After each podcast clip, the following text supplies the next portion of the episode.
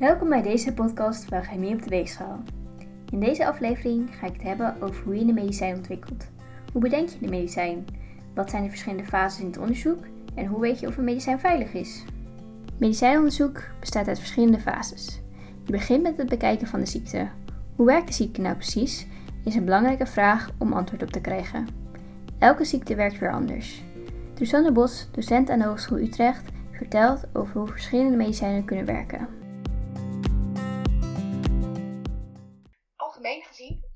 Op een aantal manieren in je lichaam interacteren.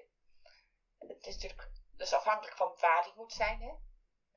Zeg maar, kan die in de maag, door de maag via de darmen worden opgenomen? Ja, dan praat je over een heel ander iets dan wanneer die bijvoorbeeld via het bloed moet, omdat die anders in de darmen wordt afgebroken. Denk bijvoorbeeld aan insuline, medicijn bij suikerziekte. Als we dat door de maag doen, dan gaat het eiwit stuk. Daarom moeten we het inspuiten in de bloedbaan, zodat het heel op de plek van bestemming komt. Dan heb je dus te maken met eigenlijk gewoon het kunstmatige hormoon, kunstmatig gemaakt. Dat wordt ingespoten, maar het is exact hetzelfde als hoe je lichaam het zou maken. Op het moment dat het in de bloedbaan is, dan volgt het ook de weg van je natuurlijke eigen aangemaakte insuline, in gezonde varianten. Dan is dat verder weinig engs aan. Um, op het moment dat we natuurlijk echt iets moeten blokkeren, bijvoorbeeld er komt een receptor, een, een signaalontvanger op een cel tot overexpressie. Dat zie je vaak bijvoorbeeld bij kankercellen. Dan komt één soort eiwit of één soort receptor enorm tot expressie. Daaraan kun je hem ook herkennen. Dat biedt ons ook een heel mooi target, een heel mooi doel eigenlijk, om exact die cel aan te vallen. Want dan pak je dat specifieke eiwit wat hij erop gooit en dan maak je bijvoorbeeld een antibody tegen.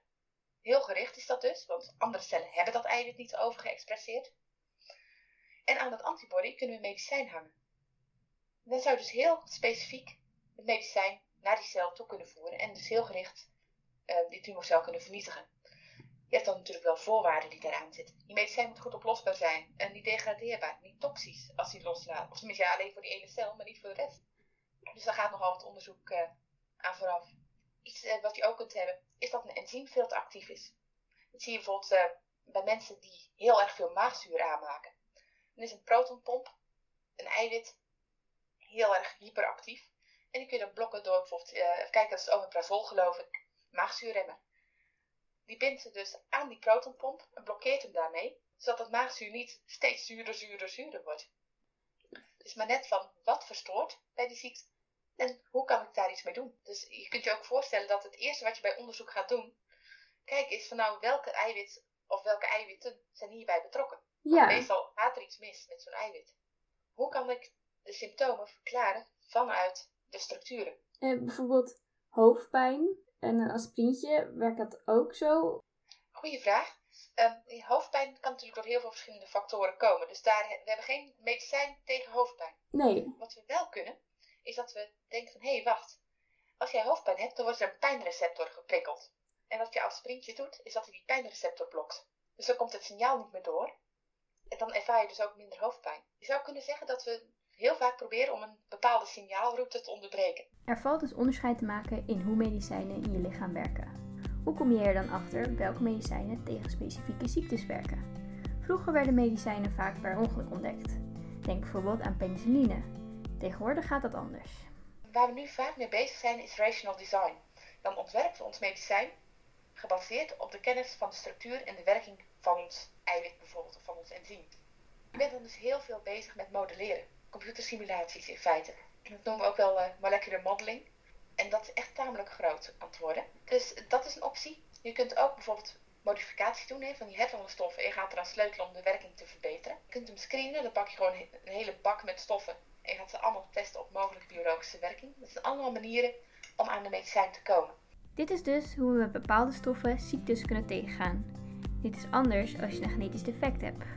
Dan kun je ook je DNA gaan aanpassen. Hier is nog veel onderzoek naar en er is nog relatief weinig over bekend. Ook zijn er strenge regels voor genetische manipulatie en er ligt eigenlijk nog een soort taboe op. Toch zijn er al manieren om mensen hiermee te genezen. Met genetische manipulatie, dan pak je hem dus net wat anders aan. Want dan weet je waar het misgaat op het gen. Dan heb je dus vaak ook te maken met een erfelijke ziekte. En dan grijp je daarop in. Door bijvoorbeeld een stukje gezond gen in te bouwen. En dat, dat kan nu ook gewoon uh, dat je een stukje van je eigen DNA verandert om die ziekte te voorkomen? Het kan, maar niet bij alle ziektes. Er zijn een aantal dingen natuurlijk die dat blokkeren. A, niet alle ziektes zijn erfelijk. Ziektes die erfelijk zijn, dan moet je ook nog kijken van ja, het zijn tamelijk heftige ingrepen in feite die je doet. Want je gaat wel iets met DNA veranderen. Hoe ga je dat dan aanpakken? Nou, wat vaak wordt gedaan, dat is dat je een virusvector inbrengt met daarin een stukje gezonde DNA. Want virussen staan natuurlijk onbekend dat ze gewoon hun eigen DNA of eigen materiaal in de cel van de gastheer in DNA kunnen inbouwen. Nou, dan maak je daar dus gebruik van.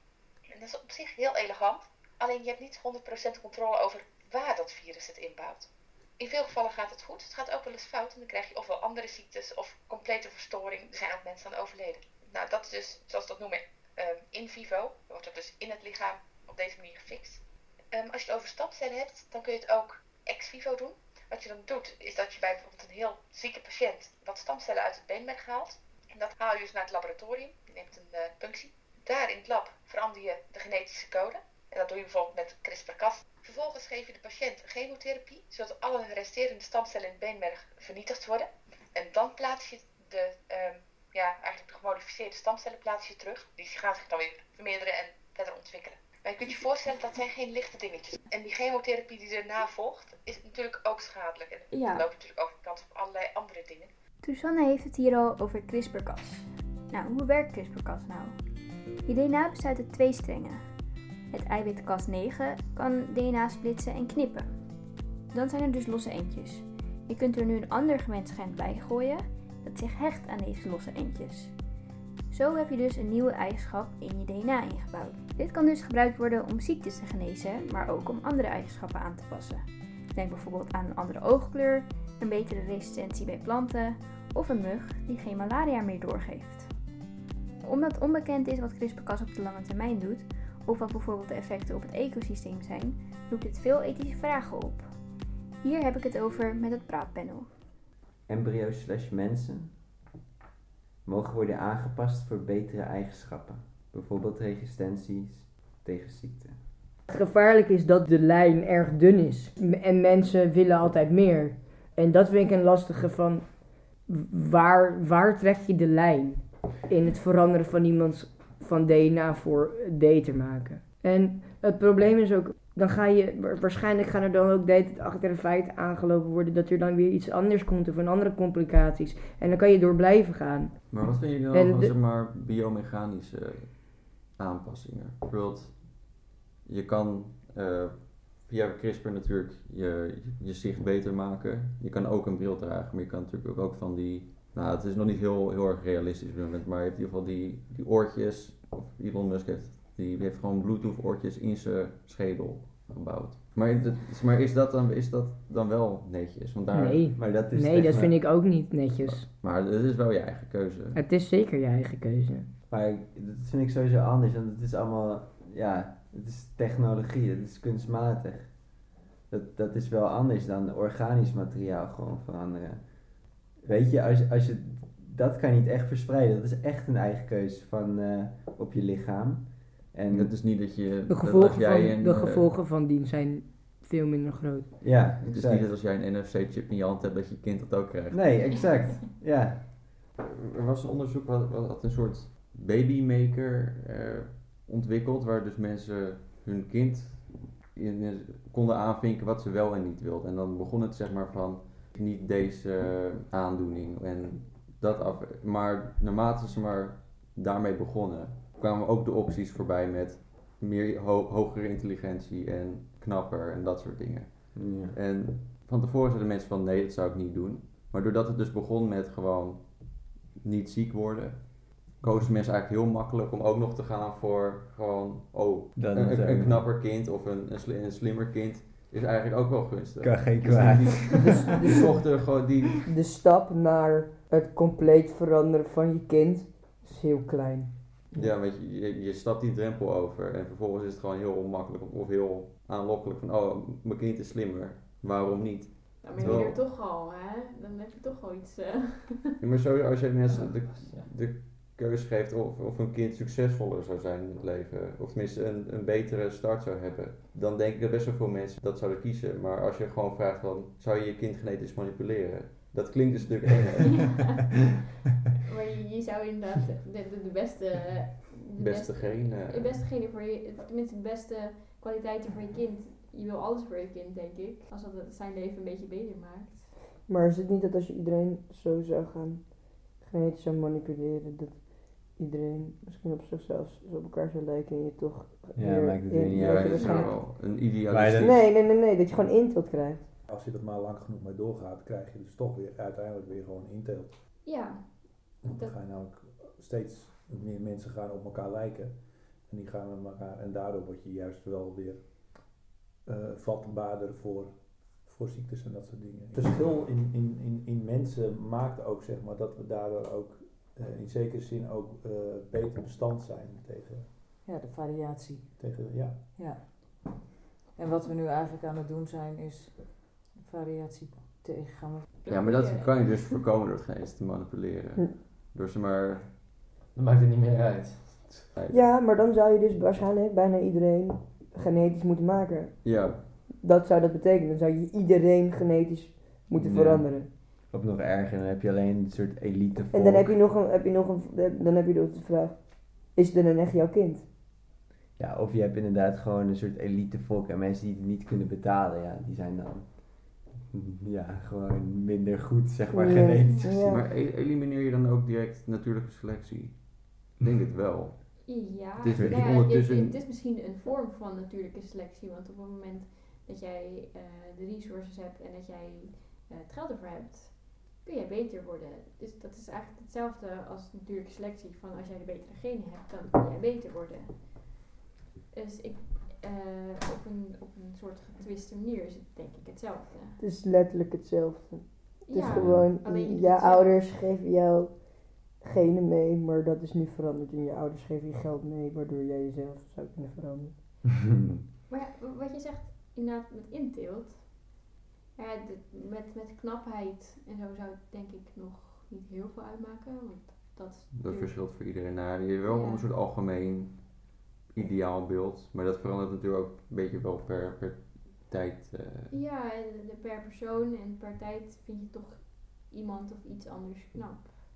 Nou, ik weet niet of dat waar is. Als je gewoon een soort symme- eh, symmetrisch gezicht hebt of zo, dan ben je al Ja, tien keer oké. knapper of zo. Dan heb je straks dat alle kinderen slim zijn.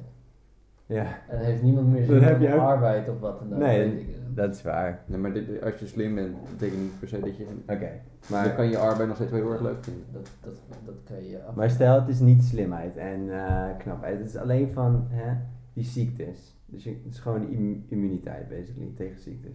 Dan is het niet meer echt een kwestie, of wel? Nee, dan zou ik ook. Dan, ja. Dan zou je gewoon denken van, boeien, van, mooi meegenomen. Of niet? Gevaccineerd, bent klaar. Maar het mag toch op dit moment ook niet? Nee, het Nee. niet. Want er zijn toch baby's zonder, die, die tegen eh HIV... Ja. eh, In- ja, in China. Maar- die Ja, zijn er zijn twee, illegaal. twee, twee, ja, die eh, kunnen geen HIV meer krijgen. Dan is maar het daar al... was, er waren heel veel mensen niet gelukkig mee dat hij dat gedaan had. Want we- de Ja. universiteit waar hij het had gedaan, die wisten het ook niet. Nee, ze. nee, het is een heel omstreden onderzoek. En die man is ook niet, eh zijn niet blij met die man. Ja.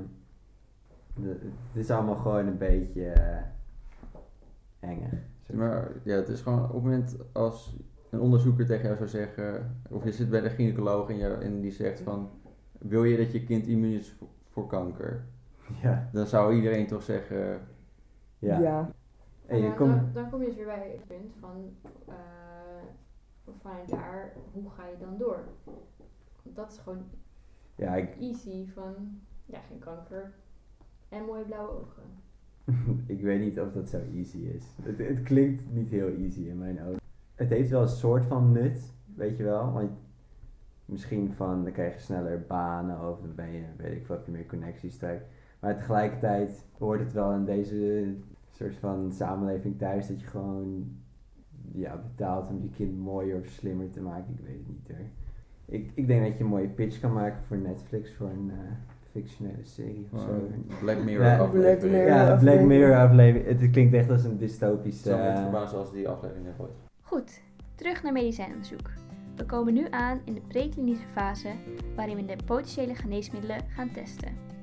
Dit doen we ex vivo, wat betekent buiten het lichaam. Op cellen, geïsoleerde weefsels en met computermodellen. Ook testen we in deze fase op proefdieren.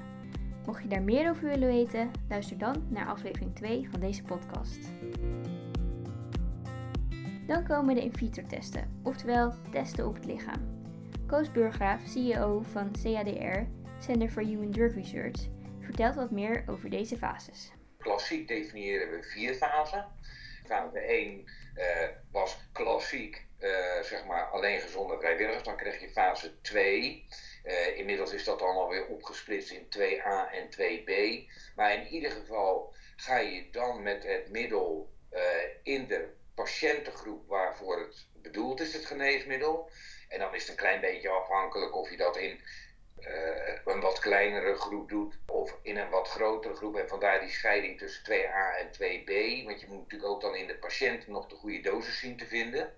Eh, en dat wordt dan gevolgd bij, eh, door fase 3. En fase 3 zijn grote onderzoeken in de zin van eh, veel patiënten om harde klinische eindpunten, eh, zoals wij dat noemen. En dat zijn dus dingen als van de kwaliteit van leven, leven mensen langer, zijn de symptomen goed onderdrukt, nou noem allemaal op. Vaak vergeleken met placebo, hè, dus een netmiddel. En soms vergeleken met al bestaande middelen. Voegt dit geneesmiddel nou iets toe? Als dat allemaal goed uitpakt, dan gaat een firma eh, die zo'n middel ontwikkelt naar de zogenaamde registratieautoriteiten. In Europa is dat de European Medicines Agency, hè, dus de EMA. En in Amerika is dat de Food and Drug Administration. En dan vragen ze een zogenaamde marktautorisatie aan. Dan worden alle gegevens die verzameld zijn op een rijtje gezet en wordt gekeken of het nut opweegt tegen de bijwerkingen. Benefit-risk ratio. Dat is eigenlijk wat er gebeurt. Ja. Als het positief uitpakt, dan wordt zo'n geneesmiddel toegelaten voor grootschalig gebruik. Hè. Dan mag het de markt op. Maar dan start ook gelijk de vierde fase. Eh, rust bij de producent een verplichting om als je het grootschalig gaat gebruiken, toch weer opnieuw te kijken, of te blijven kijken beter gezegd, of er bijwerkingen optreden die je niet kon vinden, gewoon omdat eh, groepen patiënten te klein waren. Dus dat gaat dan heel vaak over hele zeldzame bijwerkingen. Nou, dat hebben we natuurlijk Ja. onlangs gezien met die vaccins. Ja. Nee, dat is die, ook die fase nadat het eh, toegestaan is, om het zo te zeggen, om het in grote groepen te gebruiken, om toch nauwkeurig te blijven kijken of er dingen opduiken eh, die je gewoon simpelweg vanuit statistisch oogpunt de kans dat je die vond tijdens de eerdere fases niet hebt gezien. Sommige dingen zijn zo zeldzaam dat als je, zelfs als je een, een bijwerking die 1 op de, nou laat ik wat zeggen, 1 op de 100.000 voorkomt, eh, dan kun je eh, gewoon via statistiek berekenen dat de kans dat je dat tegenkomt in, eh, nou dat zijn al best grote studies of grote onderzoeken, onderzoeken van 10 tot 20.000 mensen, is de kans heel klein dat je hem dan tegenkomt. Dus sommige dingen die, die horen gewoon bij een geneesmiddel, maar je ziet ze pas in een speciale context. Omdat, nou ja, er kan een genetische achtergrond zijn, het kan eh, een interactie zijn met een geneesmiddel waarvan je van tevoren niet verwacht had dat het eh, überhaupt een interactie zou geven. En dat zie je dus pas als je het, nou ja, ik zou maar zeggen, aan de hele wereld geeft. Samengevat. In fase 1 klinisch onderzoek wordt er getest op gezonde proefpersonen. In fase 2 op de patiënt. In fase 3 op grootschalige wijze. Na goedkeuring wordt het medicijn nog lang gescreend op mogelijke bijwerkingen. Meer over proefpersonen horen? Luister dan naar aflevering 3. Dan rest nog de vraag: waarom zijn medicijnen toch zo ontzettend duur? In de gesprekken met mijn panel komt deze vraag ook regelmatig terug. Met insuline en zo in Amerika, dat is nog steeds toch echt Ja. ongelooflijk schofterig duur. Wacht, we hadden hier een stelling over, volgens mij. Hier, volgende stelling. Medicijnen moeten goedkoper worden, slash algemeen beschikbaar. Dat- dat- dat vind vrij eh, Dat nog vind ik ja, van wel, ja. Ja, Ja. zeker. Zeker. Maar hoe dan? Ja. Nou ja, de, de, de monopoliepositie van de farmaceuten vind ik... eh, Marktwerking. dat, dat gaat 20.000 keer over de kop. Het gaat, het, ik vind het zo schofterig dat er mensen kapitaliseren op dingen die andere mensen zouden kunnen helpen. En kunnen helpen echt op hetzelfde moment nog. Dat is natuurlijk ook de reden waarom ze maar door blijven uitvinden, omdat ze er zoveel geld voor krijgen. Daar zit dus de vraag. Ja, Hoeveel winst? Hoeveel winst moet er dan gemaakt Ja. worden? Motivatie is nu geld. En zou het niet veel beter zijn, dat is dan de, de vraag, als het gaat om de bedoeling en dat- niet om het geld. Want wij zijn heel eh, erg money driven met z'n Ja, maar zo, allen. Ja. zit, zo zit de maatschappij Ja. in elkaar. Maar net, net zoals met het aidsmedicijn, dat is toen heel snel gegaan. Toen, toen had je eerst hele dure medicatie, die werd goedkoper. Maar je hebt nog steeds niet een echt algemene oplossing. Maar alle westerse mensen, die kunnen makkelijk gered worden. Want dat medicijn is best wel betaalbaar voor ze. Maar als je kijkt naar... maar, in heel veel derde wereldlanden is aids nog steeds een, een groot probleem. Ja. Maar weet je, daar komt geen geld vandaan. Dus waar zou je daar een vaccin voor maken? Het is toch niet eh economisch Ja, dat is rendabel. Ja, maar dat is ook aan de andere kant, want die andere landen die stoppen er ook het geld in. Dus die verwachten er ook wat voor terug, om het zo maar te zeggen. Dus Ja. stel een westers land die zou inderdaad gewoon heel veel eh erin steken in een eh aidsvaccin of een aids eh, geneesmiddel.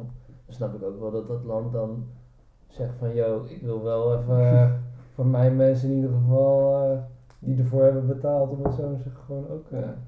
ja. De bedragen die nu worden verdiend in de farmaceutische industrie, die zijn Niet buiten proporties. Ja, buiten proporties. Inderdaad, en ik denk dat daar zit echt nog wel een eh, marge in om te zeggen van eh, we gaan eh, de medicijnen ontwikkelen of, en daar een beetje geld op verdienen. Dus het, en dat hoeft echt niet eh, zoals nu. eh, Ja, laat het dan in ieder geval zo zijn dat, ze, dat, dat dan die medicijnen gewoon in licentie gemaakt mogen worden, maar dan wel ja, dat dan dat bedrag gewoon een stuk kleiner wordt. Maar ik denk dat het aan de andere kant wel belangrijk is, is dat die controle er blijft.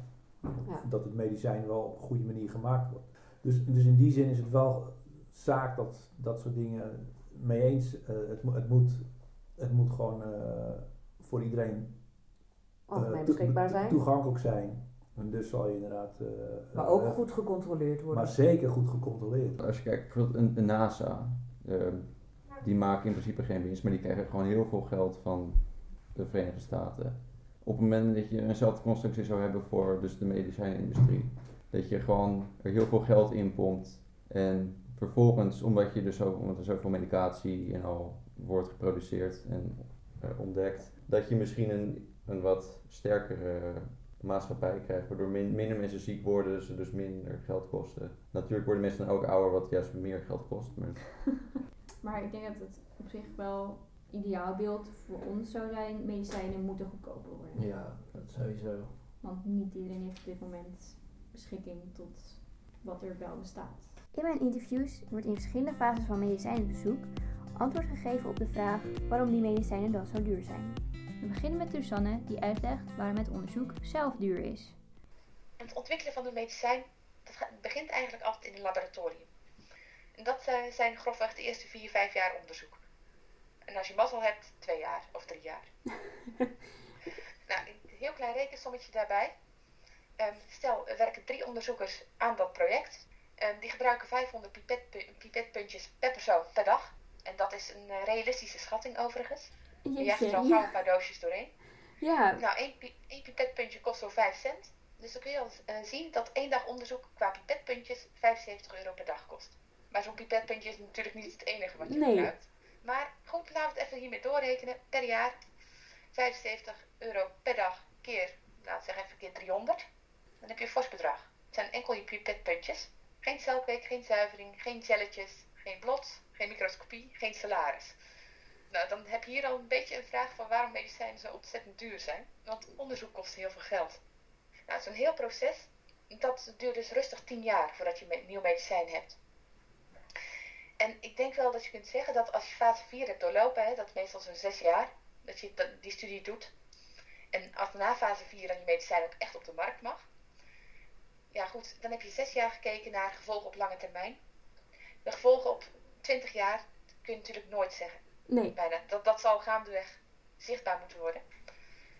Maar je moet ergens een knoop doorhakken van gaan we dit wel of niet op de markt brengen. Want op een gegeven moment, uh, dit zijn ontzaglijk dure studies. Moet de farmaceut ook terug gaan verdienen. Rob van der Water, medicijnveiligheidswetenschapper aan de Universiteit Leiden, vertelt over de investeringen die terugverdiend moeten worden. Veel geneesmiddelen die halen het niet tot het eind. Eh, Dus je ontwikkelt iets, je hebt een bepaald eh, idee in je hoofd van, oh, daar, daar kunnen we iets ontwikkelen. En dat eh, zou wel eens een goede target zijn, dus een goed aangrijpingspunt voor een nieuw geneesmiddel. Nou, werkt allemaal fantastisch in vitro en, en dan denken we, nou, dat gaat hem helemaal worden. En zo heb je vaak, eh, afhankelijk van de grootte van de farma, heb je tien van dat soort verschillende projecten lopen. Eh, die kosten allemaal geld natuurlijk, maar je hebt nog geen cent verdiend. Dus het zijn allemaal investeringen die je doet om iets te ontwikkelen. En van die tien uh, slaagt er misschien één. Hetzelfde als je een bakker bent, je hebt tien, brood, tien, tien taarten gebakken. Je denkt, ze zien er allemaal lekker uit, maar aan het eind van de week heb je er maar één verkocht. Ja. En andere mensen die vonden het helemaal niet leuk. Nou, zo is het ook met geneesmiddelen ontwikkelen. Die bakker die moet natuurlijk ook die investering eruit halen. Ja. Anders overleeft hij. Dus dat heb je bij Pharma natuurlijk ook. En, eh, maar ja, elk bedrijf die heeft aandeelhouders, die willen natuurlijk ook wat verdienen. Want anders zeggen die als ze niks verdienen, dan, dan stappen we ook uit het bedrijf. Maar als die uit het bedrijf stapt, dan, dan, dan hebben ze ook geen. eh, dan is de waarde van het bedrijf laag en, en ja, dan is het ook niet stabiel. Dus dat is een reden dat eh, er is een bepaalde termijn van, van dat, een, eh, dat je een patent op een geneesmiddel kan hebben. Dat vraag ik meestal aan voordat het op de markt is. Dan is het nog niet op de markt, maar je beschermt het natuurlijk al. Ja, dan moet je als de weer zorgen dat het op tijd op de markt komt. En dan heb je een bepaalde periode waarbij je eigenlijk je investeringen kan terugverdienen. Maar het liefst ook meer dan dat, want je hebt ook weer geld nodig om weer nieuwe dingen te ontwikkelen. Juist, ja. En, en de aandeelhouders ook weer te plezieren. Ja. En daar heb je natuurlijk dat de discussie, ja, de geneesmiddelen zijn te duur. Eh, zijn ze te duur? Nou, sommigen zullen inderdaad eh, hele grote bedragen vragen. De winsten van pharma zijn natuurlijk ook aanzienlijk. Eh, dus je zou kunnen zeggen, van, nou ja, kan het niet wat minder? Misschien wel, denk het wel. Maar ja, het is ook een businessmodel uiteindelijk. Dus iedereen die wil natuurlijk het nieuwste wat werkt. En dat blijft natuurlijk ja, een, een, een businessmodel waarbij de klant ook de patiënt is. Want die wil ook genezen worden. En, en de overheid speelt er ook weer een rol bij. Het is allemaal heel complex. Maar ja, je kan maar tot een bepaalde termijn is, hebben ze maar patent. Dan verdwijnt dat. Ja, dan kunnen, kan iedereen op de wereld kan dat geneesmiddel gewoon namaken. Ook in een, ook in een tablet stoppen. Eh, en natuurlijk onder, die, onder de marktprijs gaan verkopen. Ja. Eh, want die, die, die bedrijven die hebben, hebben nooit hoeven investeren om het te ontwikkelen. Dus ja, die kunnen veel minder gaan vragen en dan daalt de prijs. En, eh, dus daar moet je eigenlijk ook de bedrijven beschermen die het in eerste instantie ontwikkeld hebben. Zodat ze ook hun investering weer terug kunnen verdienen. Laura van Gerven, verpleegkundige in het Amsterdam ziekenhuis, vertelt over hoe zij te maken krijgt met de hoge kosten van medicijnen in haar werk. Wij, wij hebben natuurlijk best wel met medicijnen te maken die duur zijn. Om een voorbeeld te geven, een patiënt krijgt bij ons één keer in acht weken een injectie en de injectie kost zomaar 7000 euro. En dat wordt natuurlijk allemaal vergoed. Maar ehm, soms heb je natuurlijk wel eens het, en dan heb je natuurlijk een enorm ethisch vraagstuk van, gaan we deze medicijnen ook geven aan iemand van 85, zeg maar. Dat is natuurlijk een, kijk, ik, ik ben natuurlijk weinig bezig in mijn werk met geld en dat klinkt heel gek. Ik ben me natuurlijk wel bewust van dat we met hele dure medicijnen werken. Ehm, maar ik ben zelf van mening als iemand van 85 eh, het nodig heeft en daarmee eh, zijn of haar leven verbetert, eh, denk ik dat die evenveel recht heeft als iemand van 60 of 40. Ik denk wel dat je moet kijken naar, naar goedkopere medicijnen. En wij zijn ons wel bewust van wat medicijnen kosten. En ehm, eh, wij zullen niet gelijk voor de duurdere kiezen. Zo is ook het hele systeem. Men moet eerst de goedkope proberen voordat de verzekering überhaupt de dure vergoedt. Dus wij worden daar ook in gedwongen om die route te lopen. Ja.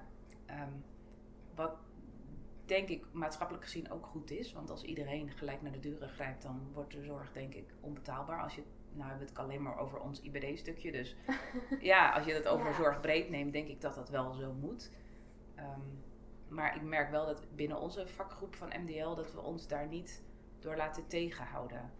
Door, eh, om medicatie niet te starten. We weten wel dat het duur is, maar ja, het, het wordt niet daardoor dat we het niet doen omdat het duur is. Nee. Dat niet. Ja, wat je altijd ziet is dat die nieuwe medicijnen waar wij dan mee werken, die hebben natuurlijk een patent van zoveel jaar.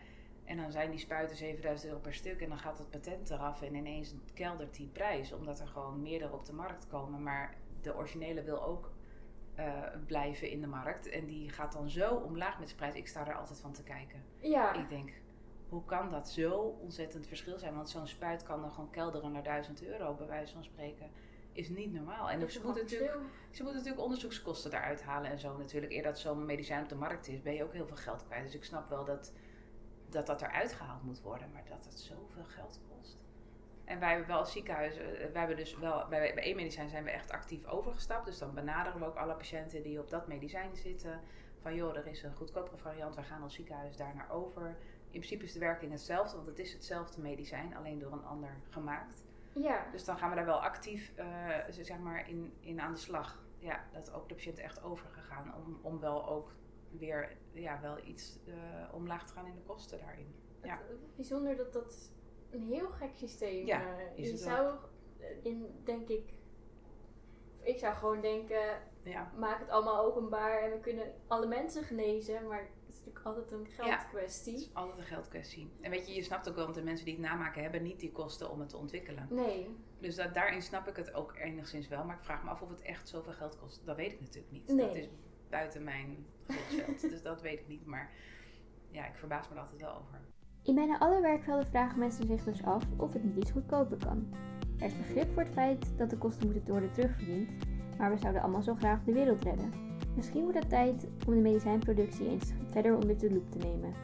In de volgende podcast gaan we het hebben over het gebruik van proefdieren. Dit doen we met Saskia aan van Proefdiervrij. De vraag die centraal staat is: hebben proefdieren eigenlijk nog wel nodig om de veiligheid van ons medicijn te waarborgen? Deze podcast is gemaakt in medewerking van Susanne Bos, Bob van Water, Koos Burgraaf, Laura van Gerven en mijn Pientere panel.